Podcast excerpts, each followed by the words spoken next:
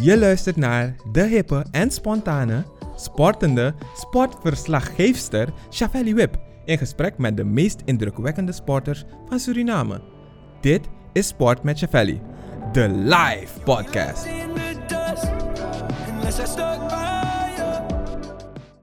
Papa, waarom als ik in de auto zit moet ik mijn riem om? Omdat ik van je hou en ik wil dat je veilig bent. Heeft u reeds een motorrijtuigenverzekering van Self-Reliance afgesloten? Goed geregeld! Veilig verzekerd, verzekerd. Voor uw gemak in de stad. Altijd parkeergelegenheid. De brug tussen uw bedrijf en uw doelgroep slaan wij, London Communicatie, met meer dan 15 jaar brandingervaring. Wij brengen u het dichtst bij de regenboog. Hi iedereen, goedemiddag is het in Suriname. We zijn ehm, eerder live dan normaal. Normaliter zijn we om half negen live. Maar vandaag ehm, hebben we ook vermeld in de promo natuurlijk. Gaan we om half zes live met Letitia Vriesde. De Letitia Vriesde. Ehm, als jong meisje is zij samen met Anthony Nesty echt de icoon geweest binnen de sportwereld. Naar wie velen van ons hebben opgekeken en natuurlijk nog steeds naar opkijken. Vandaag dus natuurlijk weer met de complimenten van Self-Reliance dat wij deze Facebook Live editie eh, kunnen doen. Dus natuurlijk ook dank aan Self-Reliance. Vergeet niet om strakjes na de uitzending de Facebookpagina van Self-Reliance te, te liken en natuurlijk te volgen. Om dat je natuurlijk op de hoogte kan blijven van verschillende verzekeringen die Self-Reliance verkoopt en verschillende acties. We zijn Self-Reliance natuurlijk dankbaar dat ze tijdens deze periode en ja, de situatie waarin Suriname natuurlijk zit, toch nog ja, de moeite doen om sport te ondersteunen. En daarmee dus ook Sport met Valley, waarbij we in contact kunnen treden met heel veel um, sporters die voornamelijk in het buitenland zitten. Hopelijk gaat het goed met je. Over drie tellen brengen wij mevrouw Letitia Vriesde in het gesprek. Als het goed is, hebben wij haar in 3, 2, 1. Yes. Hi, daar bent u weer. Ik hoop dat het blijft. Wat een bevalling. Echt wel. Even kijken of ik er allemaal... Ja, het ziet er nog prima uit. Ja, Ja, nou, hoe gaat het met u? ah, gaat prima. Gaat goed. Ja. nou, voor de mensen, ja, de mensen die kijken. ehm, we hadden natuurlijk wat kleine technische issues waarbij ehm, ja, u in en uit de uitzending ging. Maar u bent er nu, dus dan stellen we gewoon meteen alle vragen die we hebben voorbereid. En dan zorgen we ervoor dat Suriname natuurlijk wat meer informatie over u heeft. En ja, dat we u een beetje beter leren kennen, no? En hopen dat ik in de uitzending blijf. ja, komt goed, komt goed. Oké. Nou, de naam Letitia, ehm, van waar komt die naam? Bent u naar iemand vernoemd? Of ehm, ja, Eh, verhaal erachter? Ik zou het niet weten. Wat ik eh, van mijn moeder weet, dat het eh, naar mijn tante, zeg maar mijn peetmoeder, eh ben vernoemd. Haar naam was Alma en ik heet Letitia Alma. Dus zij heeft mij de namen gegeven. Begrijp ik zo. Oké, oké. En, en ja, het is uw peetmoeder. Hebt u een goede band met haar gehad? Of hebt u dat nog steeds? Oh, jawel. Ze is al lang overleden, maar als kind kwam ik wel eens bij haar. Ja. zo, altijd vakantie. Oké, oké. En ja, ehm, u bent geboren in Coroni, ehm, ons Kokos-district. Ehm, hoe was het opgroeien in Coroni? Ik ben geboren in Paramaribo en Oh, in Paramaribo. Opgegroeid in Coroni. Oké, oké. Het is heel raar, maar van het gezin staat er alleen achter mijn naam geboren in Paramaribo. Daar zal wel een reden voor geweest zijn. Maar Mhm. ik ben in Coroni opgegroeid en ik heb een heel eh relaxed en ontspannen jeugd ge- gehad in eh Coroni, in ons nostalgisch district met palmbomen en eh, zandwegen. Ja, ja, ja. Ehm, wat waren de leuke dingen aan Coroni toen? Ja, wat waren leuke dingen? Je staat er niet bij stil. Eh, wat eigenlijk leuk is, want het was altijd ook corona saai, maar voor ons was het ons district. En op straat spelen, eh, vissen, hengelen in de, eh, de nabijgelegen slootjes, spelen achter op het erf, in de bossen, noem maar op. En achter alle. Oh, ik schrik, ik zie iets binnenkomen, dus ik schrik van. eh, daar ga ik weer. Eh, de, de fruitbomen van de buren roven, dat waren ons eh, met vriendinnen onderling de dagelijkse eh, bezigheden. Dit is Sport met Chavelli, de live podcast.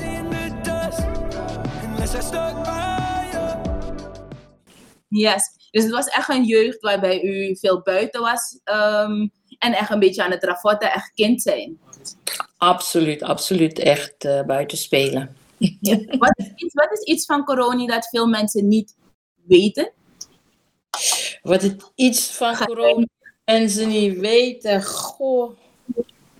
Ja, ik, ik, ik sta er eigenlijk niet bij stil. We zijn bijzondere mensen.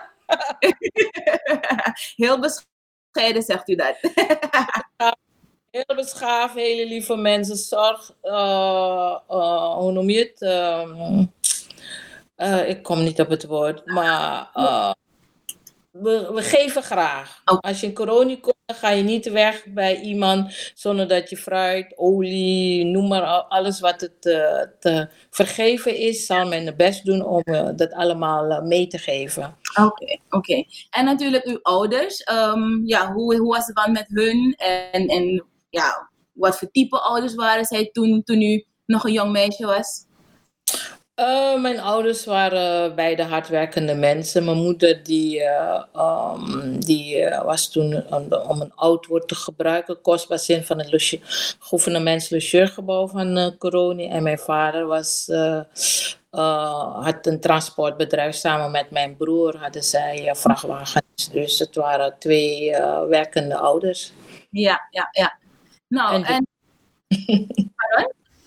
En druk dus. en druk. Hebt u dat een beetje overgenomen in uw leven, de druk? Nou, niet, ja, niet echt. eh, eh, ja, wat is druk zijn? Nee. nee. Nou, ehm, ja, was u altijd een sporter? Ik, ik neem aan dat u wel altijd ehm, actief bezig was, maar ja, van waar komt het echte sporter zijn? Ehm, ja, ik denk in corona daar, eh, eh, ja, we spelen, spelen veel buiten. En het was ook vaak rennen en slagballen en kastie spelen. Dat, waren dagelijks eh, bezigheden van ons met de volwassenen in uh, corona. Wij, wij kindjes deden het vaak het rennen voor de volwassenen. Zij deden het slaan en wij moesten dan de runs maken. En mijn broers die zaten vroeger, die deden vroeger uh, uh, badminton, daar deed ik ook aan mee. Maar het was niet een urge van ik moet sporten. Dat is later toen ik uh, naar de middelbare school ging in Paramaribo, dat ik zo terecht kwam bij atletiek. Maar het was ja, niet van, oh, ik word een topsporter. Het was meer een stukje nieuwsgierigheid en uh, naschoolse uh, activiteit. Oké. Okay. Op welke middelbare school zat u toen in Paramaribo? Ouderwetse middelbare handelsschool. Wat is dat? Ik zeg jou niet. Nooit over. Middelbare handelsschool. dat zeg jou niet. IMEO. Nee. Oh, oh, oh. Het heet middelbare handelsschool. ja, ik denk, wow. ja, ja, zo heette dat vroeger. Okay. En later is het uh, IMEO geworden. Ah, okay. ja, IMEO is wat bij mijn tijd, ja, klopt. ja, ja. yes. Hebt u nog vriendinnen van toen, van uw schoolperiode, op wie u nog steeds goed bent? Nou, toevallig bel ik nu de laatste tijd weer bijna dagelijks met één, maar uh, eigenlijk heel weinig. Ik kwam er, uh, nee, heel weinig contact nog. Oké, okay, oké. Okay. en, en u begon met atletiek. Kan u daar kort over vertellen? Weet je, welke vereniging, ja, wie? Ik kwam bij Yellowbirds, Yellowbirds terecht, okay. omdat de, de, de gymleraren toen de tijd waren ook van uh, Yellowbirds. Dus was uh, de meneer Renfrum en meneer Fernand. En zo ben ik dus bij de vereniging Yellowbirds Atletiek terechtgekomen. En ik trainde bij de heer Fernand. Oké. Okay. afdeling atletiek en taekwondo onder zich.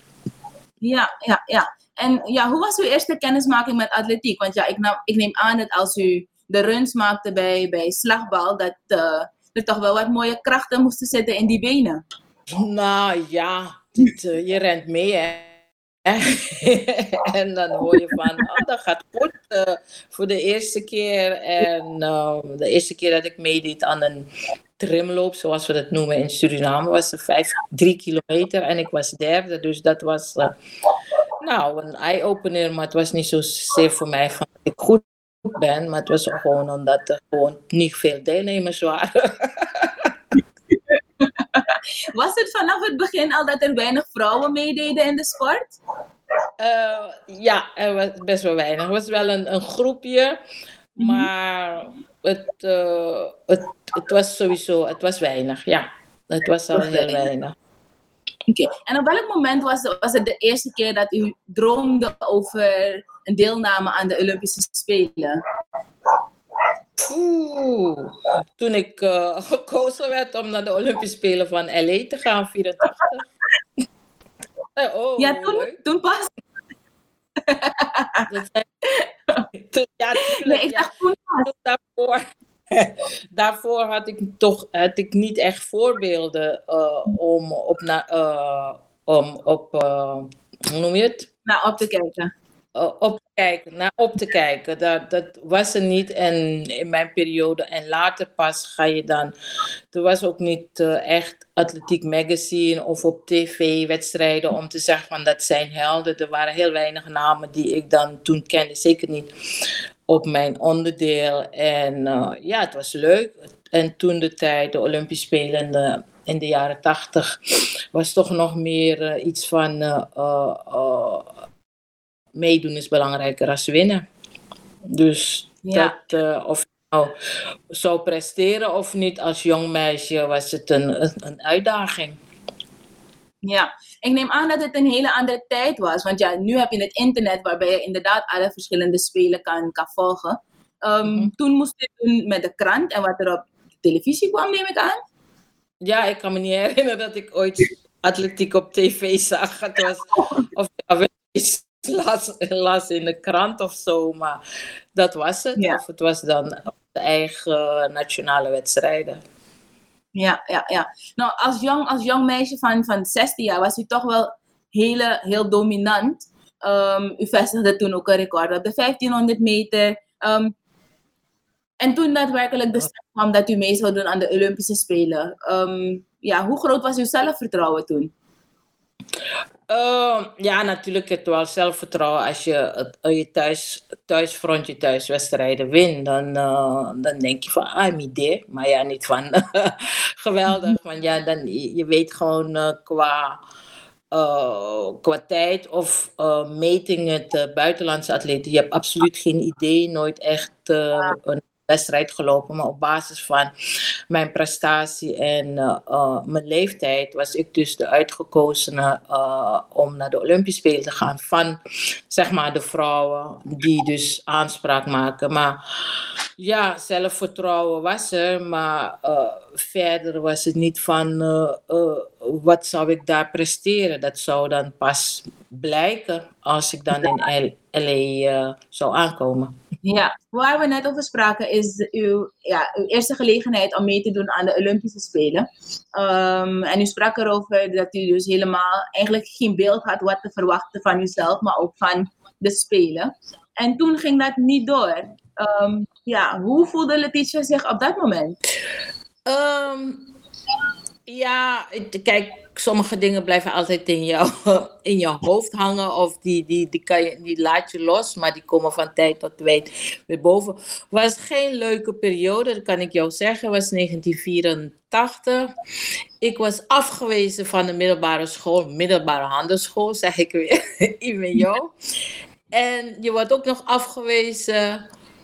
oh, uit het, je wordt ook uit het team gezet, laat me het maar zo zeggen, om naar de Olympische Spelen te gaan. Dus het was voor mij dubbel. Niet slagen, niet meer naar de Spelen kunnen. En het was ook voor mij einde atletiek carrière in Suriname.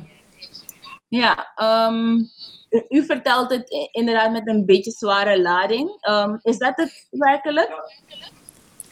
Ja, het was, het was een, eh, een, een zware lading. Ik bedoel, de manier hoe het toen aan toe ging. Ja, kijk, eh, eh, je wil niemand eh, nu, hoe noem je, voor de kop stoten en dingen zeggen die misschien niet goed aankomen bij mensen. Maar om eerlijk te zeggen, ik werd toen de tijd door de toenmalige legerleiding uit, het, uit, het, uit de selectie gehaald. Omdat hij vond dat ik niet goed genoeg was en geen reden had om mij naar de Olympische Spelen te sturen. En daar kon uh, Surinaams Olympisch Comité niks tegen doen. En eh, ik werd eruit gehaald. Want ik, eh, ik was niet goed genoeg en ik zou gelappen worden en ik had niks te zoeken op de Spelen. Dat waren de simpele woorden van onze toenmalige legerleiding. Oké, en welke atleten zijn toen wel gegaan? Alleen Edward, ehm, eh, niet Edward, een andere Cruden die op de 400 meter liep. En Tito Rodriguez die de 1500 meter toen heeft gelopen. En hoe was hun prestatie? Cruden was dat. Sigrid Cruden. Hoe was hun prestatie in 84? Hoe de prestaties waren? Ja. Eh, de series. ja. U lacht er zo, zo bij. Ja, maar dat is het toch. We, kan- heel vaak komen we niet, tot, eh, niet verder dan de series. En, eh, en achteraf was ik heel blij eigenlijk dat ik eh, mij de ellende bes- bespaard was om af te gaan. Zoals toen al van tevoren gezegd was. Dus degene die mij eh, uit de selectie haalde, achteraf ben ik hem dankbaar. Ja, oké. Hebt u dat ooit nog eens aan hem gezegd? Van, eh, Oh, ik heb hem niet gezegd. Ik heb hem niet gezegd dat, dat, ik, dat ik blij was met zijn gesten toen. Maar hij was heel blij dat ik toen eh, later een, eh, een, een topatlete werd. En dat heeft hij dan ook tegen mij gezegd. ah, En gefeliciteerd. En blij met Letitia Vriesde. dus eh, hij heeft toen de tijd toch wel iets goeds gedaan. Achteraf. achteraf, precies. Ehm, ja, ik, ik snap wel dat dat een, een bepaalde wrok met zich meebrengt. Was het echt dag Suriname en ik ga naar Nederland en ik ga ja, daar mijn ding doen? Nou, ik, ik eh, nou, gegeven moment, ik zeg het zoals het is. Ik ben toen gestopt met atletiek en eh, gefocust op mijn school. Want ja, ik was afgewezen, dus ja, je moet het overdoen. En ik haalde het weer niet. Ik was weer afgewezen, dus... Niet aan Ja, nu voel je je dan echt een domme gans. Hè? denk ik, jezus man. En de economische situatie eh, in Suriname toen de tijd, de jaren 80, 84, 85. eh, eh, misschien weet je het nog of gehoord van anderen. De universiteit ging niet. De middelbare scholen waren vaak eh, eh, gesloten. Ja. En de ouders die toen de tijd, zoals ik het dan zie, geld hadden, die stuurden hun kinderen voor verdere studie naar Nederland. En dus vertrok Letitia 85 eh, richting Nederland. Oké. En dat was dus gewoon op kosten van uw ouders? Kosten van ouders en familie en ik deed al lang niet meer aan atletiek. Maar het feit dat ik naar Nederland kwam en eh, toch al eerder aan atletiek had gedaan, had ik zoiets van: het kan toch niet zo zijn dat ik hier kom en de faciliteiten zijn er en ik maak er geen gebruik van. En zo ben ik bij Rotterdam Atletiek eh, terechtgekomen. Oké. En natuurlijk, ehm, de volgende Olympische Spelen in 88, toen stond u er wel. Ehm, ja, hoe was die eerste echte ervaring? Ja, dat ging heel snel. Binnen drie jaar eh, behoorde ik tot de Nederlandse top op de 800 en de 1500 meter. En toen uh, uh, limiet voor uh, de 800 meter was 202 of 203. En ik had dat al gelopen. Dus ik mocht naar de Olympische Spelen. En ik, ja, ik hoorde dan tot de Nederlandse top. Ik liep al wat wedstrijden binnen Europa. Dus ik wist, ik, ik, ik kon wel mijn mannetje staan. En ik wist wel waarom het, waar het om ging, de Olympische Spelen. Ik kende de, de, de top 800 meter loopster. Ik wist wel wie ze waren. Ja. En mijn droom en mijn doel uh, in 1988 was, zoals ik het zei, twee keer lopen. Dus dat was de serie en de halve finale. Ik zou en moest de halve finale halen. Yes, nou dat is ook goed gelukt. Ehm, Dat is heel goed gelukt. En eh, dat was voor mij ook, ik zou zeggen, eh, een, nou, ik zou niet een eye-opener, maar dat was voor mij een, een, een stap om te zeggen van, ik wilde niet, ik wil geen meeloopster zijn, maar ik wil erbij horen. Ja, ja. Nou, misschien dat u aan het begin van die Olympische Spelen had kunnen zeggen: Ik wil drie keer lopen. Dat stond u wel in de finale, misschien, no? Ja, dat had gelukt, maar je moet realistisch blijven. Met mijn tijd van 2.01 toen de tijd, dan had ik mijn been uit mijn lijf moeten lopen om toen wat eh, al gelopen werd, 1.56 te kunnen lopen. En ik was heel realistisch dat ik er nog, ik was er nog niet. Oké. Nou, ehm, ja, drie, binnen drie jaar bent u in Nederland wel gegroeid tot de top van Nederland. Wat, is wat was het verschil tussen natuurlijk uw atletiek carrière in Suriname en uw atletiek carrière in Nederland? Ehm, mijn atletiek carrière in Suriname mijn atletiek carrière in Nederland. Suriname was recreatief bezig en in Nederland was het eh, echt eh, op het niveau van. Ik was nog geen topsporter, maar ik trainde toch wel bijna dagelijks. En in Suriname train ik twee keer in de week. En dat is geen, top, dat is, dat is geen topsport, dat is recreatief, recreatief bezig zijn. En wie dekte de kosten? Want u was op kosten van uw ouders en familie in Nederland. Eh, mijn familie zorgde hier voor mij. en ondertussen ging ik ook nog weer naar school en eh, een atletiek carrière opbouwen. Het, het is wel gelukt met uw school in Nederland. Niet wat ik wilde doen. Ik heb alleen de stoep van de, de HAO gezien in Nederland. En de inschrijfbalie. ik koos voor de topsportcarrière. Ik, toen de tijd was het moeilijk om eh, een, een uh, universitair of HBO-opleiding te combineren met sport. En, uh, en gezien mijn leeftijd, eigenlijk had ik dan al afgestudeerd moeten zijn. Ja. Maar ik ging dus later naar Nederland. En het ging heel goed met mijn atletiek carrière. Dus de keuze was heel makkelijk gemaakt om uh, topsport uh, te bedrijven en niet uh, naar school. Want ik zat dan al in een, fase van twee keer trainen per dag. En daar was dan geen ruimte om nog een volledige dagopleiding erbij te doen. Yes. Nou, um, ik denk, ja, u moet me eigenlijk vertellen. Wanneer was het moment dat u uzelf echt zag als een 800 meter atleet? Um, wanneer zag ik mezelf als een 800 meter atleet? Ik heb tot 1992 heb ik zowel de 800 als de 1500 gelopen, omdat mijn toenmalige coach een uh, 15 en 5 kilometer loopster was. Dus hij, hij pushte eigenlijk als een atleet richting uh, de 1500. Ik ben in 93, was het 94, geswitcht van coach. En hij zei uh, heel makkelijk: Oh, voor mij mag je 8 en, en of 15 lopen. De keuze is aan jou. Ik zeg: Nou, het is makkelijk gemaakt. Ik ga dan alleen de 8 lopen, want de training voor de 15 is veel te zwaar. dus zo, zo is het gekomen dat ik uh, uiteindelijk gekozen heb om alleen de 800 meter te gaan lopen. Omdat uh, de combinatie is een heel zware combinatie. En uh, ja, ik heb wel redelijk hard gelopen nog op de 15, maar ik kreeg de keuze en dat was heel makkelijk gemaakt. Oké. Okay. Dit is Sport met Chavelli, de live podcast.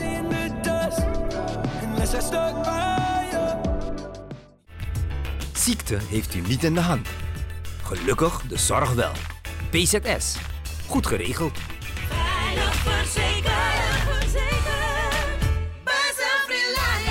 Voor uw gemak in de stad. Altijd parkeergelegenheid.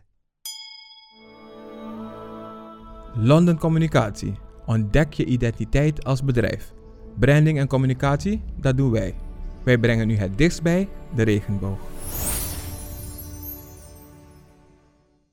Ik ga heel even naar een vraagje in de comments. Uh, er wordt gevraagd wie op dat moment uw grootste concurrent in Suriname was. In Suriname. Uh, op de 8 en de 1500 toen de tijd waren Mireille Sankatsing en ik waren de beste op die twee afstanden. Oké, okay, oké. Okay. En ja, misschien wel leuk. Um, Ronaldo Shin zegt, we waren toen echt trots op je. Ja, doet het u, wel wat? Ehm, ja, uw allereerste fans, dat ze zeggen van, ja, we waren eigenlijk wel echt eh, trots op je. Nou, ik ben blij om dat te horen en dat klinkt gewoon heel fijn. Ja. En natuurlijk, ehm, ja, Coronianen zijn wel echt een hele grote familie. Want iemand zegt echt Coroni, weet je.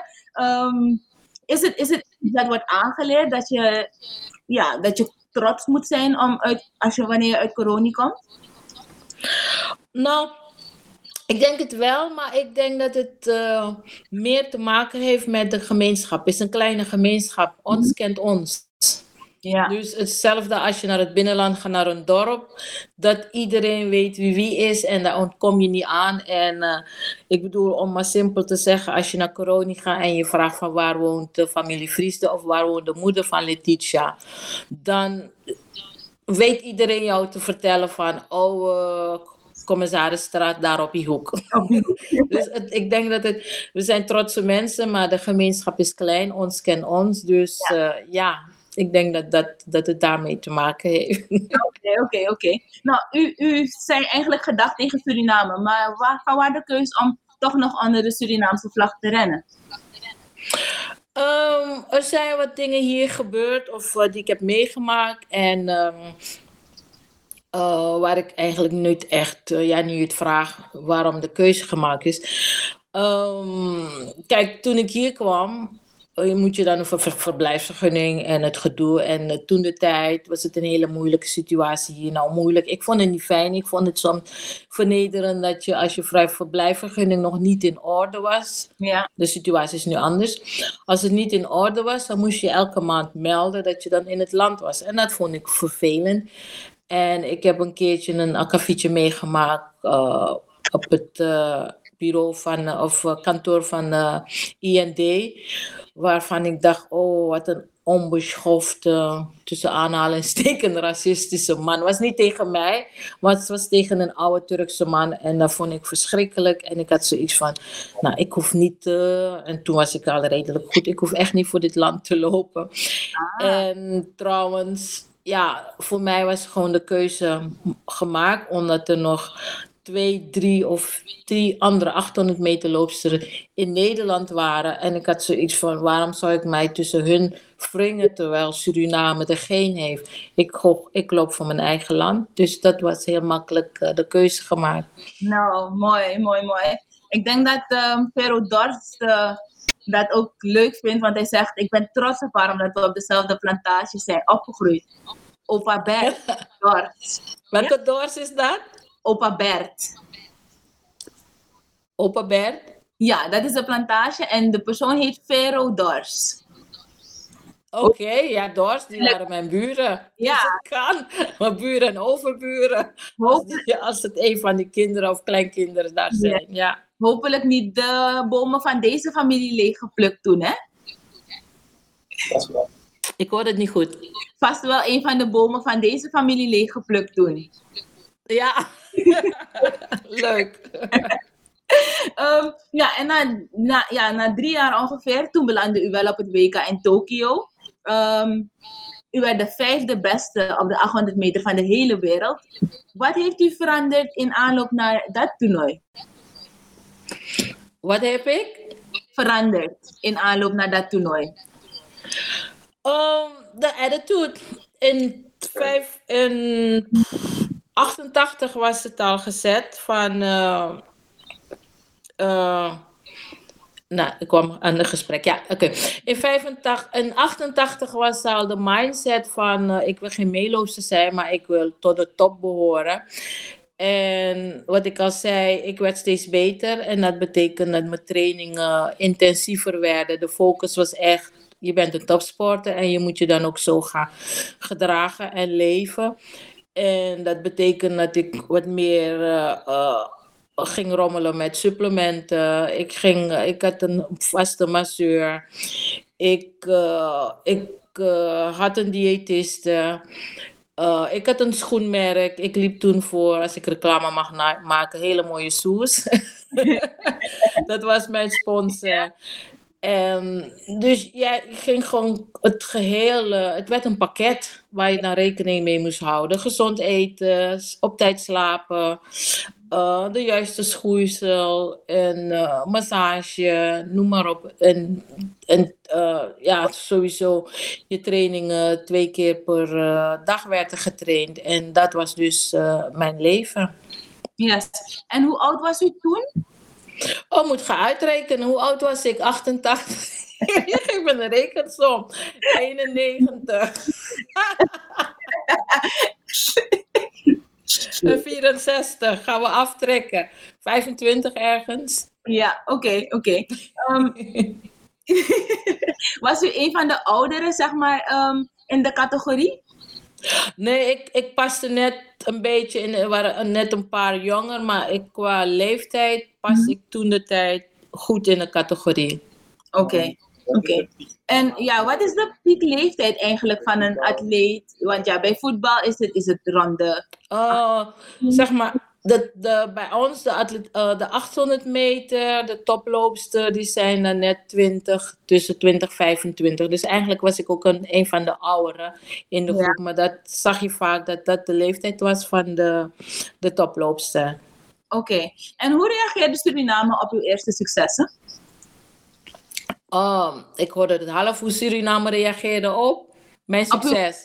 Ja, ja. Nou, ehm, ik weet niet of je dat eh, terug hebt kunnen vinden of ergens ehm, de oude beelden. Toen ik in ehm 85, 95 eh, gewonnen heb, werd ik met heel veel tamtam en, eh en eh jugu jugu binnengehaald vanuit Zanderij. Eh, eh, vanuit Zanderij, Lelydorp, Waterkant. Het was echt een, ik werd echt groots binnengehaald en daar ben ik de mensen nog steeds dankbaar voor. En ook een, ehm, mag geen reclame maken, hè? Dat ik ook de toenmalige directeur van uh, Torarica mij heeft ontvangen en dat ik daar eigenlijk de, mijn vakantieperiode, mijn, mijn weken dat ik had, daar eh, eh, mocht verblijven. En dat vind ik, dat was echt een heel mooi eh, gebaar naar mij toen. Daar ben ik de mensen heel dankbaar voor. En hoe was corona? Want ja, dan is het toch wel... Corona. Ik, ik weet niet welke dag ik naar Corona ben gegaan, maar toen de tijd had je nog de veerboot. Dus ik werd aan de kant van Jenny. Is dat Jenny of Boskamp? Jenny is van Coroni en de andere is Boskamp, ja. Werd ik opgehaald. Ik weet niet hoeveel bussen er waren. En eh, met muziek en alles. En, Oh, het is leuk. leuk en grappig, want ik kom aan. ehm, eigenlijk, ik, ik zie nog de blikken van sommige mensen. Ik had een eh, wedstrijd, een, een, een tijd aan. En een, eh, een, een, een, ja, een, een, een topje zoals ik nu aan heb. Mijn wedstrijdkleding. En mijn vieze patas aan mijn voet. En die mensen keken me aan van, hè, wat krijg je nou? Ik zeg, ja, ik ben sport. Ik heb geen zin om me op te tutten om te ontvangen. Jullie moeten me ontvangen zoals ik ben. En eh, ik vond het gewoon grappig eh, hoe dat, eh, de mensen dat hebben ervaren. En natuurlijk mijn ervaring om mij te showen zoals ik ben. En dat was gewoon heel, heel leuk, heel mooi. Was het belangrijk voor u dat u, dat u altijd uzelf bleef, ondanks alle successen? Of ik... eh, jezus, soms hoor ik je slecht hoor, maar ik wil geen geluid harder zetten. Nee, ik vraag of het, ehm, of het ja, uw doel was om altijd uzelf te blijven, ondanks Nou, alle het, is, het is geen kwestie van een doel. Je bent zoals je bent. En eh, dat eh, eh, ben ik altijd gebleven. En mezelf zijn. En ik weet nog... eh, een van mijn beste vriendinnen hier... heb ik altijd tegen haar gezegd... die, zat- die vroeger ook op atletiek. En eh, ik zei tegen haar... eh, eh, als ik ooit naast mijn schoenen ga lopen en jij zou dat merken, want je bent mijn be- beste vriendin hier, eh, vraag ik je vriendelijk mij op te pakken en weer terug te donderen in mijn schoen. En dat heeft ze nooit hoeven te doen. Ja, dus ik wachtte daarom dat u dat zei. Dat heeft ze nooit hoeven te doen. Nee, dat hoefde niet. En- Uw eerste medailles waren in 1995, toch? Het zilver eerst. En toen Oh. daarna brons. ja, Was dat een, eh, al een kleine voldoening voor het harde werk dat u al die jaren hebt gedaan? Mm, nee, eh, de droom van elke atleet of topsporter is ooit Olympisch goud te halen of Olympisch medaille te halen. En dat heb ik niet gehaald. Ik heb er wel vijf Olympisch Spelen gehad. Maar het liefst had ik ook een medaille aan, eh Olympisch medaille aan toegevoegd. En ehm, dat was, mijn kans was in 2000 geweest. Maar helaas eh, is het niet gelukt in 2000. Nee, En klopt. eh, in 92 was ik de snelste verliezer. Eh, ik was, eh, toen was de serie-indeling nog de top 4, die gingen door naar de finale. En op 300ste seconde na was ik de snelste verliezer, dus niet naar de finale. En in 96 heb ik het weer herhaald om op 300ste seconde weer de snelste verliezer te zijn en niet naar de finale. En ja, en dan is het alles op alles, want dan is het voor mij was dus de Olympische Spelen van Sydney de laatste om nog een medaille te kunnen winnen. En helaas, dat lukte niet. En in Athene 2004 was meer een eh, bye-bye afzwaai Olympische Spelen voor mij. Oké, oké. Nou, we gaan dan wel even terug naar 2001. Ehm, want toen werd het brons op 37-jarige leeftijd.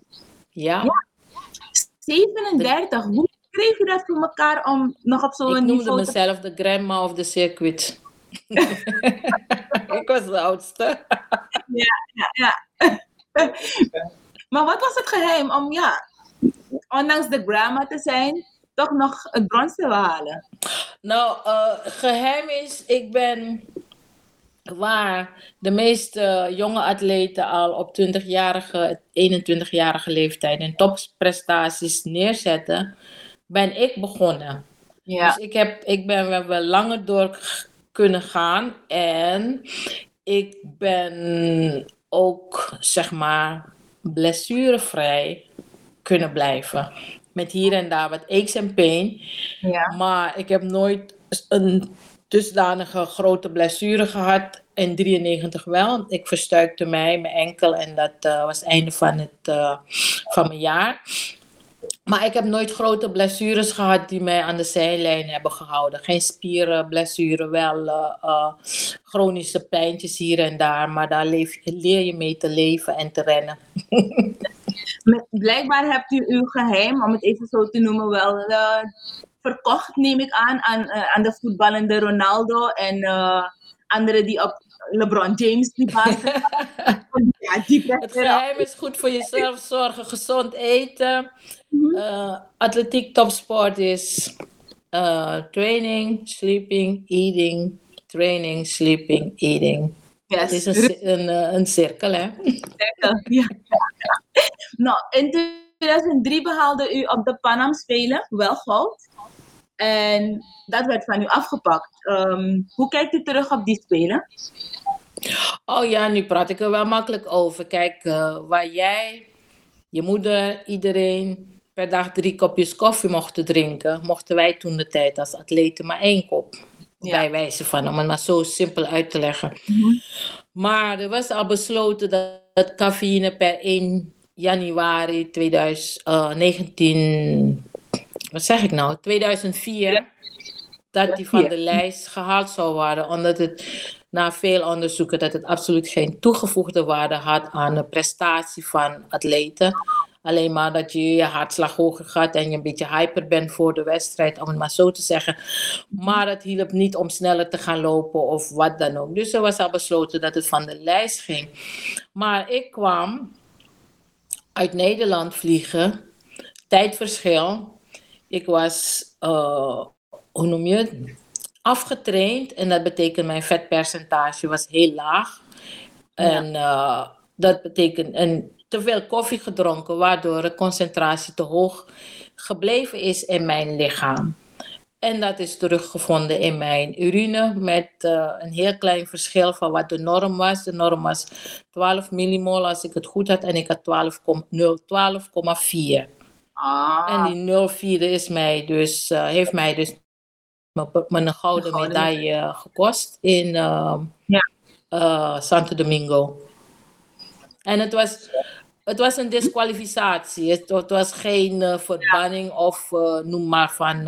het was alleen maar, je wordt gedisqualificeerd voor de wedstrijd. Dus klaar, dat was het. Ja, gelukkig geen andere consequenties.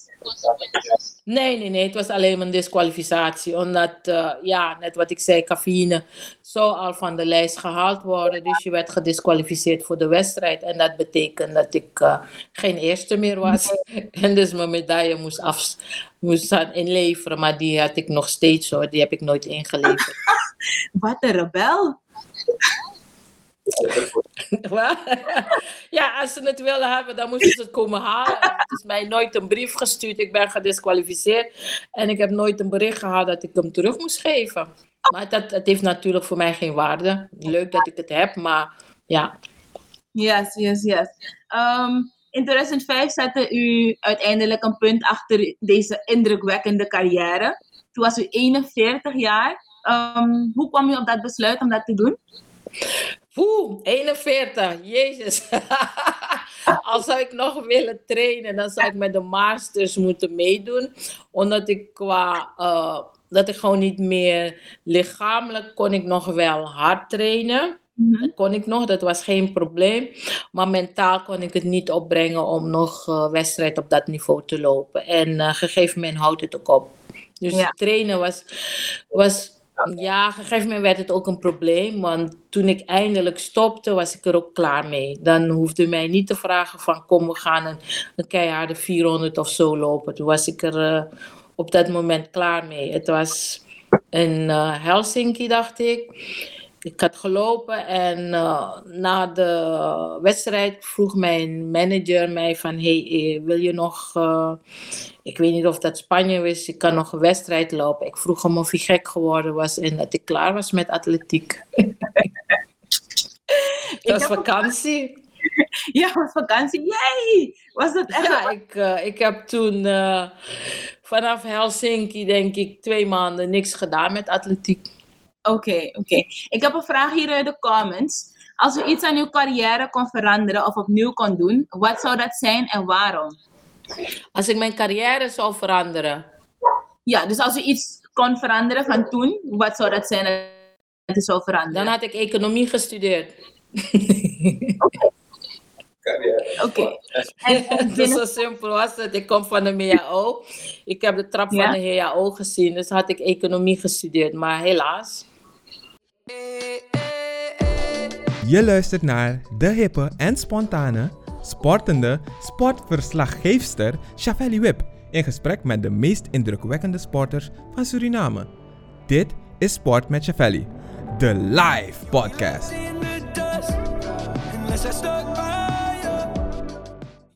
Papa, waarom als ik in de auto zit, moet ik mijn riem om?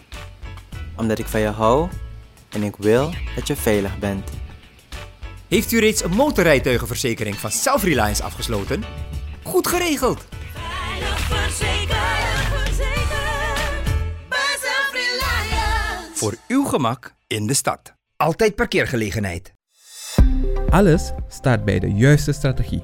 Wij brengen creativiteit, technologie, concept, verhaal en data samen in één merk, campagne, advertentie of marketingstrategie. London Communicatie. Wij brengen u het dichtst bij de regenboog. Deze podcast wordt mogelijk gemaakt door Self-Reliance. Veilig en helder. u koos voor topsport en binnen uw sportcarrière zelf, als u wat anders had kunnen, wil, ja, kunnen Dan zou ik 400 meter gelopen hadden, hebben. Oh, en waarom? Waarom? Ja? Omdat ik daar ook goed in was. Maar eh, eh, net wat ik zeg, ik kwam bij een coach terecht die, eh, die zei van... Dat meisje heeft de juiste paslengte. Zij moet een 800 meter loper worden.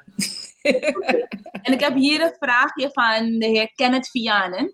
Hij gaf ook aan dat u ehm, ja, de beste bent. Hij heeft enkele trainingen met u mogen meemaken toen, reizen van Hoogvliet naar Rotterdam. Maar hij vraagt of u kan vertellen over de strijd tussen u en Anna Fidelia. De strijd tussen mij en Anna. Ja. Ik heb Anna één of twee keer verslagen. dat maakt niet zoveel uit. Maar Anna, kijk, binnen atletiek. heb je sowieso altijd een nummer 1 of een nummer 2, wat je ook doet. Die zullen er altijd zijn en dan moet je geluk hebben als je ze verslaat. En Anna was een van de top 800 meter loopster in het circuit. En daar heb ik altijd respect voor gehad. En had je nog Maria Mutola uit Mozambique, ook andere top eh, 800 meter loopster. Maar ik was ik hoop dat ik de vraag goed beantwoord. Maar ik was nooit bang om tegen ze te lopen. Het was vaak van, als je een wedstrijd had met deze meiden, dan wist je van, hey, it's gonna be hot, it's gonna be fire. En we gaan gewoon hardlopen. En dan was belangrijk dat we een goede tijd neerzetten dan dat we naar elkaar keken van wie, who's gonna run, who's gonna make the, the run today. Nee, dan liepen we echt om een goede wedstrijd te lopen. En niet zozeer wie zou winnen in je achterhoofd, dan weet je wel. Maar dan geef je niet aan toe, want als je van tevoren denkt van, als maar winnie me no long, dan is dat je resultaat. Ja, precies, precies. Nou, u kreeg van Nederland wel de onderscheiding van de Atletiek Unie toen. Ehm, hoe kwam dat aan bij u? Ehm, kijk, ik woonde hier. Ik was lid van de Rotterdamse vereniging. Ik ben een paar keer met mijn vereniging eh, eh, Nederlands kampioen geworden. We zijn ook een paar keer sportvereniging, ehm, sportclub van het jaar geworden in Rotterdam. Ik ben ook, eh, ik denk twee keer topsportster eh, sportvrouw van het jaar geworden in Rotterdam. Ik denk twee keer M en mijn groep. Dus ik hoorde eigenlijk, mijn prestaties hoorden ook bij de Nederlandse prestaties. En als zodanig werd ik ook gewaardeerd. En het was, ja, het werd wel vaak gezegd, "Hey, jammer dat je niet voor ons loopt. Maar het lopen voor Suriname gaf mij ook veel meer rust dan de stress waarmee mijn collega-atleten hier te maken hadden. Dus ik werd als, qua prestaties als gelijke hier eh, behandeld. behandeld. Ja. Ehm, hebt u nog wat, wat, ja, wat verdiend aan uw atletiek carrière? Dat u zegt, ehm, ja, ik was wel echt een eh, topsporter. Of ik wat verdiend heb? Topsport is ehm, achteraf gekeken, als, nou hoe moet ik het zeggen? Als topsporter, ik heb ervoor gekozen en dat was dus mijn werk. En dat betekende dat, er, eh, dat je betaald wordt om ergens te lopen. En eh, je krijgt een, via je manager de uitnodiging. Die regelt dan dat je een bepaalde wedstrijd komt lopen. En er waren er vaak bonussen te verdienen of je kreeg startgeld. Dus dat, was mijn, dat was mijn werk en daar leefde ik van. En als ik een jaar eh, slecht gelopen had, dan moest ik toch wel letten op mijn centjes. Want je, je, je, je had Jannie, ehm, twee, drie maanden de tijd om een salaris te verdienen om het hele jaar eh, eh, te overleven, om het maar zo te zeggen. Oké. En ja, natuurlijk in Suriname kennen we allemaal wel de Letitia Vries de Laan. Ehm, vindt u dat u voldoende gewaardeerd bent in Suriname? Oh jawel, ik ben de toenmalige president dankbaar dat hij dat, dat gedaan heeft. En ik moet ook zeggen van eh, mm, vanuit Suriname, de overheid, toen het goed ging, of goed toen ik eindprestaties eh, boekte, heb ik ook de ondersteuning van eh, het land gehad. En daar moet ik dus ook eerlijk in zijn, eh, ondanks het feit, ja, je, je, je bent topsporter, je verdient.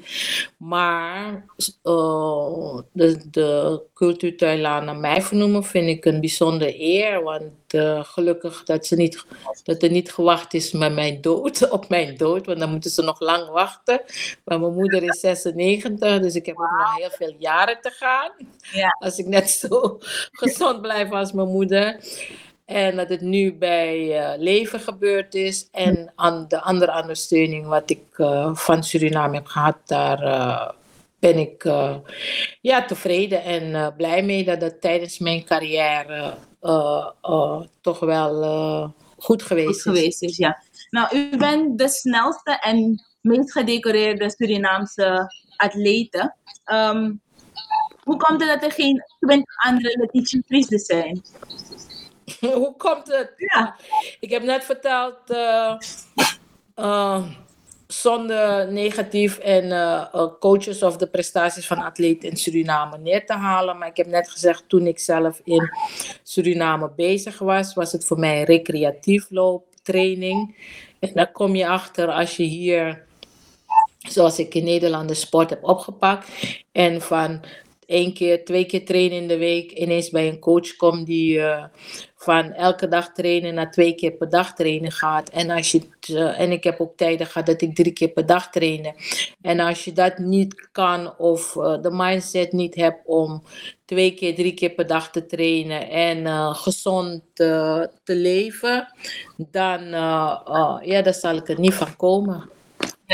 Oké. Oké, ik denk dat u daarmee heel veel vragen hebt beantwoord. Ehm, gewoon werk aan Even de... hoor. Ja? Ik zie dat mijn telefoon. Ja. Yes. ik zei, u hebt daarmee heel veel vragen beantwoord en geeft gewoon aan dat er veel werk aan de winkel is in Suriname. Ehm, we hebben nu een sportdirecteur die ook topsporter is geweest. Dus ehm, ja, ik kijk enthousiast uit naar de sportontwikkeling in Suriname. Ehm, Gordon Tony Chow is nu de sportdirecteur geworden. Ja, dat heb ik eh, gelezen en ik heb hem ook eh, felicitaties eh, toegestuurd. Dus ja, ik ken Gordon, dus het, is- Ja, precies. het is toch wel netjes als ik daar even aandacht aan besteed. Leuk, leuk, leuk. Ehm, en dan, ja, een beetje persoonlijk. Wat voor, wat voor type vrouw bent u als u over uw karakter zou moeten praten? Eh, over mijn karakter. Goed. Ja. Vaak eh, kan je je karakter niet zelf omschrijven. Er zijn anderen die dat omschrijven. Maar ik weet vaak, mijn, eh, mijn zus die zei altijd, ah, ik ben wispelturig. Nou ja, dat zou kunnen. Maar ik ben gewoon een heel lief, soms heel ongeduldig mens. Ik denk dat dat ook komt door eh, mijn atletiek. En ik ben eerlijk en eh straightforward. Ik, ja, hoe moet ik het zeggen? Eh, mis- ja, dat is een. ik moet zelf om lachen als ik terugdenk, als ik denk wat ik eh, wil zeggen. Nee, ik ben gewoon heel aardig en eh, what you see is what you get. What you get?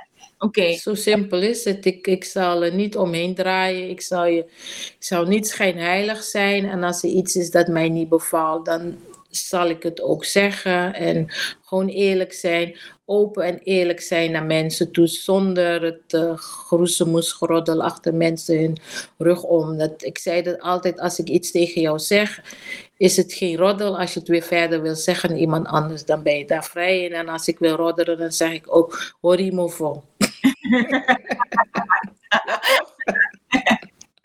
Ehm, bent u ook, ook ja, ehm, dit, dit zijn toch wel kenmerken van een goede vriendin. Ehm, bent u ook inderdaad de goede vriendin naar uw dochter Joy? Oh, dat eh, hoor ik niet zo goed hoor, even. Yes, ja, ik nog een keer.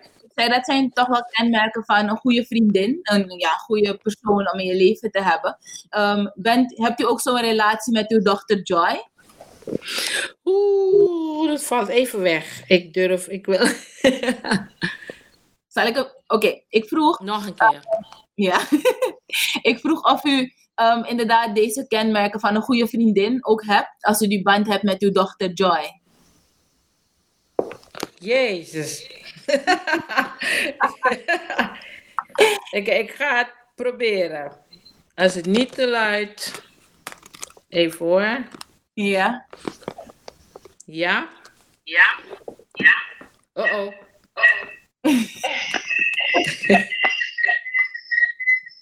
nee, dat gaat, dat gaat niet lukken. Zo. Ja. Nee. Maar u hoort me nu wel beter. Je zei mijn goede vriendin. Yes, en ben, hebt u ook zo'n relatie met uw dochter, met Joy? Oké, ja, sorry. Ik was even afgeleid. Ik vroeg of u ook zo'n goede relatie hebt met uw dochter.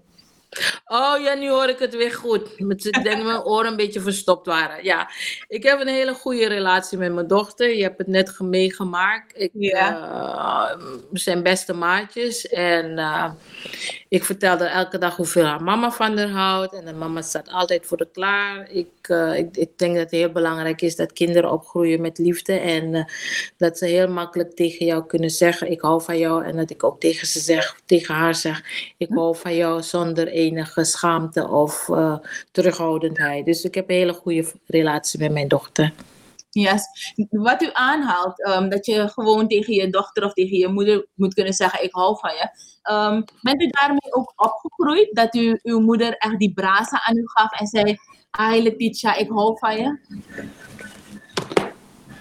Uh, oh, mijn telefoon gaat bijna uit. Ja, uh, wat ik aanhaal van dat ik tegen haar zeg: Ik hou van jou. Ja. Bent u daarmee ook opgegroeid dat uw moeder zei: Letitia? Nee, helaas niet. Ik denk dat mijn generatie uh, kinderen niet zijn opgegroeid met uh, uh, fysiek toonbare liefde van de ouders. Sorry ma en pa. Nou, mijn pa is overleden en alle andere zussen.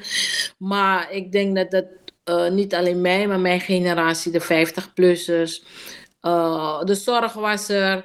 En ze zeg, zeiden altijd, ik hou van jullie allemaal, maar je bent niet opgegroeid met een, eh, een moeder en een vader die, uh, die daar openlijk uh, hun liefde toonden naar de kinderen. Ja. En nu doet u dat dus wel? Um, nu doe ik dat bewust met mijn dochter, ja. ja. Van waar de keus? Is er een klein gemis dat u dat, u dat bij uzelf had? Nou, niet zozeer een, een gemis, maar ik vind het belangrijk dat er een goede hechting is tussen je kinderen. En dat, want als dat er niet is, dan zijn ze ook niet open naar jou en dan praten ze ook niet open. En uh, er moet gewoon een hele goede band zijn uh, met jou. En dat geeft ook vertrouwen, dat ze jou dan makkelijk ook vertrouwen. Yes. Um, bent u een lieve moeder, zal ze dat zeggen? Oh ja, dat zegt ze wel, maar als, uh, als mama boos wordt, dan, uh, dan komen de Surinaamse woordjes naar boven en een stemverheffing. maar ik ben wel lief. Ik, ik, ik bedoel, uh, ze heeft niks te klagen. nee. Uh, nog even een vraagje van vroeger. Wat was uw, uw bijnaam of uw troetelnaam die uw ouders u hebben gegeven? Jezus, ik had een verschrikkelijke uh, bijnaam. Dat zal ik hier niet noemen.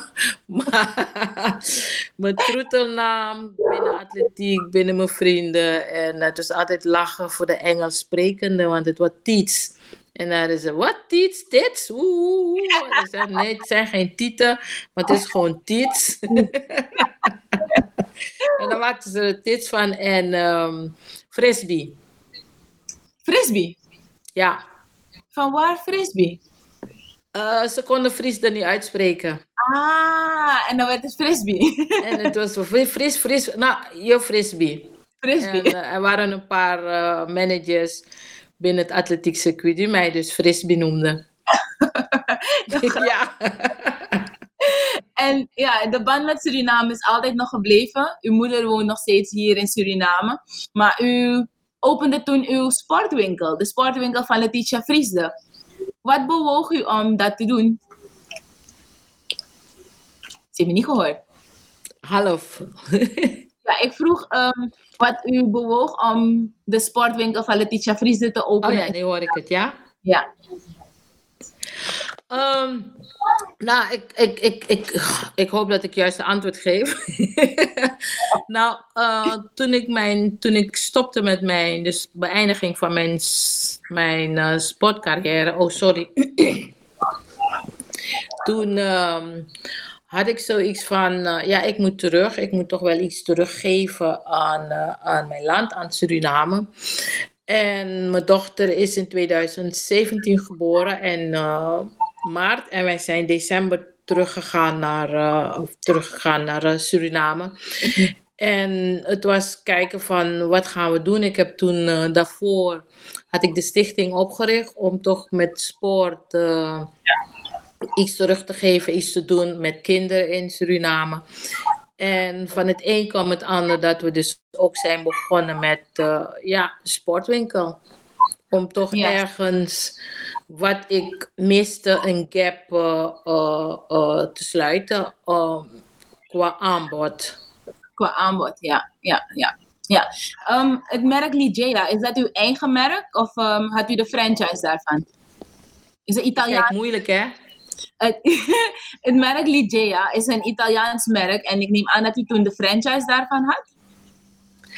Um, ik heb half gehoord, maar ja, Ligea is een Italiaans merk en nog een ander merk. En ik was heel brutaal. Ik nam gewoon contact op. We, zijn, we zochten eigenlijk naar uh, sportieve vrije tijd kleding. Dus het moet, eh, eh, zeg maar, zoals je de voetbaltenues zijn, maar hippe voetbaltenues. En zo zijn we dus bij Ligia terechtgekomen en eh, nog een ander Italiaans merk. En langzaam maar zeker uitgebreid met andere merken. Oké, oké. En verder richtte u natuurlijk ook ehm, de stichting Letitia Vriesde en daarbij het sportveld in Coroni.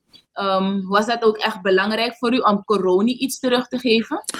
Nou, ik, ik richtte de, de stichting op. Het was niet zozeer in Coroni hoor, want we hebben met de stichting, het is gewoon in de Paramaribo opgericht. We hebben met de stichting heel veel wijk, uh, gedaan uh, in de verschillende wijken in Suriname, waaronder Sunny Point, Sophia Sluis, Pondbuiten, Rens, Flora, hebben wij elke zaterdag sport gegeven aan, uh, aan kinderen. En uh, niet zozeer alleen maar atletiek.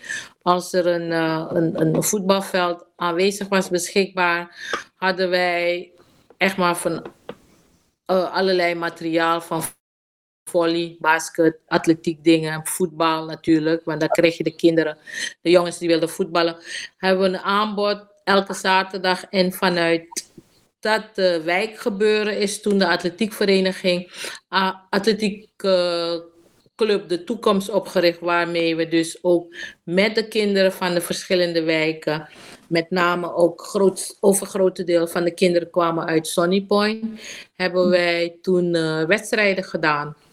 En okay. ik heb er hele goede atleten bij gehad, maar helaas uh, is dat uh, toch wel verwaterd. Je luistert naar de hippe en spontane, sportende sportverslaggeefster Chavelli Wip in gesprek met de meest indrukwekkende sporters van Suriname. Dit is Sport met Chavelli, de live podcast.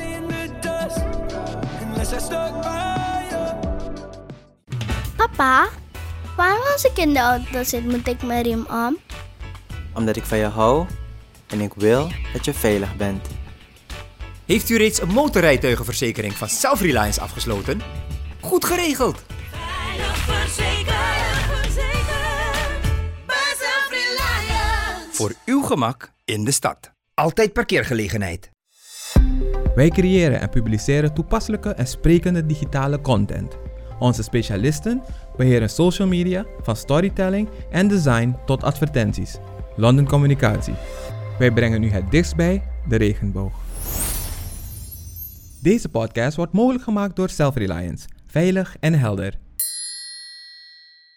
Ja, ja, ja. U kijkt daar heel teleurgesteld over. U hebt een, teleurgestel, u hebt een teleurgestelde blik over het verwateren van de sport op den duur. Oké. Okay. nou, kijk, gegeven moment kan je de opstart van de vereniging deden wij heel veel voor de kinderen zelf. En uh, zoals we altijd zeggen, atletiek naar Portimam Ching, dus je helpt. Maar de bedoeling was dat je dan uh, verder gaat uitbreiden, waarbij er uh, vanuit de kinderen, de ouders ook een bijdrage komt. Maar dat op een gegeven moment liep het niet zo als het uh, moest lopen. En er was ook een terugval van de atleten. Ja. Uit een bepaalde leeftijd heb je heel veel uh, pupillen die meedoen. Maar op het moment dat ze richting junioren gaan, naar de middelbare school, dan zie je een verloop van wegblijven, niet meer komen. En zo, helaas, is het, uh, de vereniging een beetje doodgebloeid. Oké. Okay. Okay. Doodgebloed, geen bloei. Helaas geen bloei, nee. Uh, nee. Maar ja, we hebben goede hoop in Gordon. Natuurlijk gaan we niet alles op hem zetten. Maar um, mogen we wel stellen dat u altijd bereid bent om een bijdrage te leveren je, aan... Je valt een beetje weg met je stem. Wat Oh. dichterbij. Ik zeg, um, we hebben natuurlijk hele goede hoop in Gordon. Dat hij een goede job zal doen. Maar niet hij alleen. Mogen we stellen dat we altijd op u mogen rekenen? Dat u een bijdrage zal leveren aan de sportontwikkeling en met name atletiek in Suriname? Je, je trilt een beetje, maar als ik het goed heb, vraag je van en wat voor uh, mijn bijdrage aan de sport in Suriname? Ja, als we daarop nog mogen rekenen. Oh, you never know. Ik, uh, nu woon ik weer hier met mijn dochter en uh, uh, mijn belangrijkste zorg is dat er dat het goed gaat met mijn dochter en dat ze ja, het naar de zin heeft hier. Maar als er natuurlijk een beroep op mij gedaan wordt, dan, eh, dan eh, moet ik erover nadenken. Maar ik denk dat eh, het zou zonde zijn om niet mijn bijdrage te kunnen en willen leveren. Maar dat zou ik natuurlijk. het is en blijft mijn land, hè? Ja, ja, ja. En wanneer ben je op vakantie? Natuurlijk, eh, met de Ehm, situatie gaat het wat moeilijker. Maar ik, neem ik, eh, ik was er vorig jaar, ik had, nee, was het vorig jaar? Ja, ik had er graag dit jaar ook weer willen zijn. Maar door de strenge regels die er nu zijn, eh, belet het mij om te vliegen en dus richting Suriname te komen. Oké. Nou, maandag aanstaande bent u jarig. Een kleine rekensom, 56 jaar. Ehm, hoe ziet uw verjaardag eruit? Mijn jaardag, hoe ziet het eruit? Maandag heb ik, eh, heb ik eh, 12 kindjes eh, in de leeftijdsgroep 7 tot 8. Daar ga ik, do- doe ik van half vijf tot half zes trainen met ze. En ze weten dat ik jarig ben. dus ik ga op onze ouderwetse, ik weet niet of je dat nog hebt meegemaakt, op mijn, op mijn periode toen de lagere school, als iemand jarig was, kreeg je altijd speculaas en popcorn. Ja, ja, ja, ja. Dus ik ga ze verrassen met popcorn en, eh, en een, zakje specul- eh, een zakje popcorn met snoepjes erin. Lolly, volgens mij was er altijd in. En een pakje speculaas. En daar moeten ze het mee doen. Want eentje vroeg, gaat u een taart meenemen? Ik zei, nou, dan ga ik jullie verrassen, Samantha. En dat is mijn jaardag. Verder ben ik niet van plan om er nog iets aan te doen. Oké, nou, we hebben in ieder geval wel alvast een taartje voor u voorbereid. Ehm, Oh, wat leuk. Dan hebt u dat ook. en dan moeten we natuurlijk Happy Birthday voor u zingen. Ehm, Stem van weg. Wat dichter bij je mic. ik zeg, dan moeten we natuurlijk alvast Happy Birthday voor u zingen. Ja, dankjewel. De mensen doen dat bij de hartjes. En ik vraag aan eh, de productie. Ja, gaan we Anofi Kuka? Ja, Anofi Kuku. Koekoe of iets, zoiets. Ja, 1, 2, 3. Anofi Kuka, Anofi Sofi. Niet mee hoor. Anofi Kuka, Anofi Sofi. Anofi Kuka, Anofi Sofi. Mami Kuka, Hoeré! Hoeré! Ja, geen hoera, maar hoeré! Nou, alvast de felicitaties. En ja, het is, het is voor mij zeker een eer. ehm, als jong ehm, en, en sporter is het natuurlijk wel ehm, altijd opkijken geweest naar... Nu naar hoor ik je beter. Op een of andere manier valt je stem weg, hè? Oh! Ja. Hoort u me nu beter? Ja, nu hoor ik je beter. Yes. ehm, u bent altijd een icoon geweest voor de topsport in Suriname, maar ook voor heel veel vrouwen, heel veel vrouwelijke sporters. En ja, dank u wel daarvoor. ehm, dat we nog zo lang van u hebben mogen genieten op ja, de spelen, de verschillende spelen. En dat u eh, Suriname altijd heel trots en eervol hebt eh, vertegenwoordigd. Dank u wel. En, Graag eh, gedaan. Het was een heel leuk interview. En eh, thank you for inviting me. Ja, zeker, zeker, zeker. U krijgt nog wat heel, heel veel liefde in de comments. Ehm, ik zag, eh, ja, love you Letitia Vriesde. Ik denk dat, dat iedereen wel een eh, speciaal plekje in hun hart heeft voor Letitia Vriesde. De meest Ah. gedecideerde sportvrouw van Suriname. Ik zou nu zeggen, luisteraar, thank you kijkers. En ehm, ook je geduld, want het ging voor mijn gevoel niet altijd lekker. Ik moest echt goed luisteren af en toe.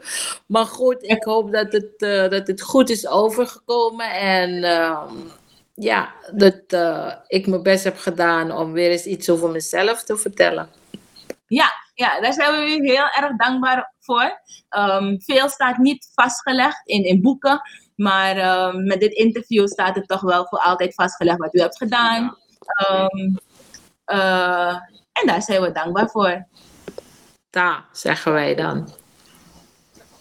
En natuurlijk spreken we de hoop uit dat Suriname met atletiek op de Olympische Spelen komt binnenkort. Dat zou heel mooi zijn.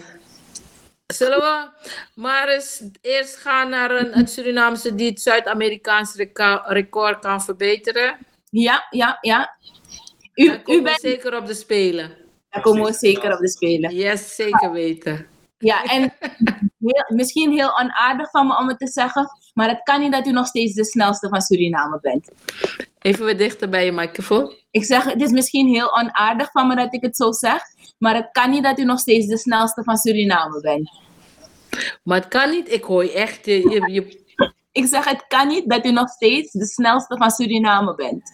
Nou, niet alleen maar Suriname, Zuid-Amerika. Ja, Het is nog steeds een Zuid-Amerikaans record, hè? ja, ja inderdaad, inderdaad. Nou, we kijken uit Dus, naar een kleine eh, liefde. Vandaar dat ik zeg, als het Zuid-Amerikaans record verbroken wordt, dan zijn we zeker op de Spelen. En de kans op een medaille ook nog. Ja, ja. Nou, heel veel werk voor onze jonge atleten. En natuurlijk ook de ouders die ze moeten stimuleren om eh, te sporten. Oké, Goed, fijne Thank avond. rusten voor straks. ja, En doei. Nou, dat was het gesprek met Letitia Vriesde. Ehm, in het begin hadden we wat technische issues, maar dat heeft de pret gelukkig niet, niet mogen drukken. Ja, pret niet mogen drukken. Eh, het is een eerdere avond geworden vandaag. We zijn om half zes gestart, omdat ehm, mevrouw Letitia Vriesde dat zelf heeft aangegeven vanwege het tijdsverschil met Nederland. En ja, daar zijn we natuurlijk wel heel erg ehm, willing voor om ja, mee te leven en in te boeten voor het tijdstip met name. Dank dat je hebt willen kijken. Ik vond het zelf een heel prettig interview. Ik ben heel veel te weten gekomen over een van de iconen van Suriname. En ik denk dat dit programma, dat gesponsord wordt door Self-Reliance, daar heel goed invulling aan geeft om onze atleten, onze Surinaamse trotsen, trotsjes, ehm, beter te leren kennen en daarbij ook beter te kunnen waarderen. Dat was het voor vanavond. Ehm, aanstaande dinsdag zijn we er weer. Blijf de pagina van Sport Valley op Facebook en op Instagram volgen. Om te kijken wie wij als gast hebben. En vergeet niet om deze uitzending nog te delen met alle andere mensen. Zodat zij ook nader kennis kunnen maken met de meest gedecoreerde vijfvoudig Olympian en zevenvoudig wereldkampioenschappen deelnemster Letitia Vriesde. Dankjewel Self-Reliance voor het, eh, ja, het mogelijk maken, we got het mogelijk maken van deze uitzending en de komende uitzendingen. Vergeet niet om de pagina te liken, dat is dus Self-Reliance Verzekeringen en blijf op de hoogte van de verschillende verzekeringen. Ehm, en misschien leuke acties en leuke tips die ze hebben op de Facebookpagina. Ja, dan is het een vroege avond voor ons geworden vanavond. Denk eraan, ehm, hou je aan de COVID-19 maatregelen. Bescherm jezelf en bescherm zo anderen. Ehm, zet altijd je mond-neusbescherming op. En hou je afstand. Loop met een flesje hand sanitizer. En natuurlijk voor de kinderen die aanstaande donderdag starten met de school. Heel veel succes. Het zal een beetje wennen zijn, zeker voor de iets ouderen. Ehm, en natuurlijk ook voor de jongeren die gewend zijn om te spelen met elkaar. Het is een aangepaste situatie. Maar ook in deze situatie zullen we er bovenop komen. En leren omgaan met ehm, het nieuwe normaal. Dus heel veel succes. Zet je in. Want alleen dan ga je resultaten, en dan bedoel ik goede resultaten boeken. Mijn naam is Chevelle Wip. Thanks aan de crew hier ehm, die het mogelijk heeft gemaakt. Laat even wat van je horen. Ja, het is echt één persoon. en, dus thanks voor het willen kijken. En een fijne avond verder. Let goed op jezelf en op elkaar. Bye!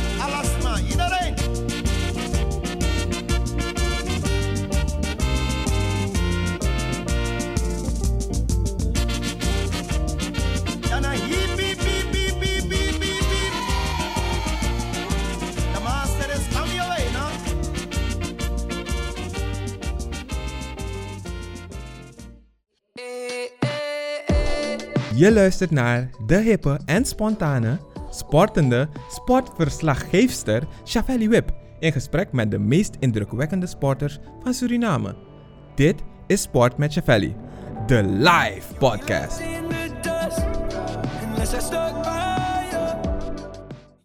Papa, waarom als ik in de auto zit, moet ik mijn riem om? Omdat ik van je hou en ik wil dat je veilig bent. Heeft u reeds een motorrijtuigenverzekering van Self Reliance afgesloten? Goed geregeld! Bij Self Reliance. Voor uw gemak in de stad. Altijd parkeergelegenheid. Alles staat bij de juiste strategie. Wij brengen creativiteit, technologie, concept, verhaal en data samen in één merk, campagne, advertentie of marketingstrategie. London Communicatie. Wij brengen u het dichtst bij de regenboog. Deze podcast wordt mogelijk gemaakt door Self-Reliance. Veilig en helder.